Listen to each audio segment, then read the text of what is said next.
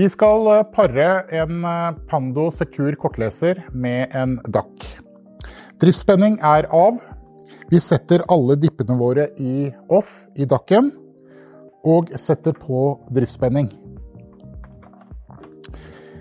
Vi legger merke til at eh, kortleseren viser grønt, som indikerer at Pando Secure-leseren er åpnet. Vi venter på DAC-en. Den blinker nå blått, og paringsprosessen har begynt.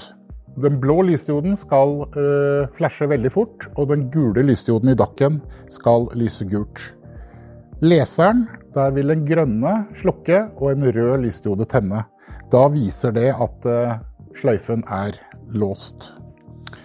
Nå ser vi at øh, den røde lysdioden i kortleseren har tent, men selve paringen er fortsatt ikke ferdig, for vi må vente på dakken, hvor en blå lysdiode flasher og en gul lysdiode tenner.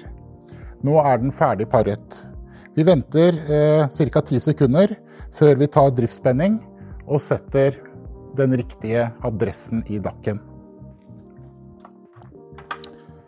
Da er den klar.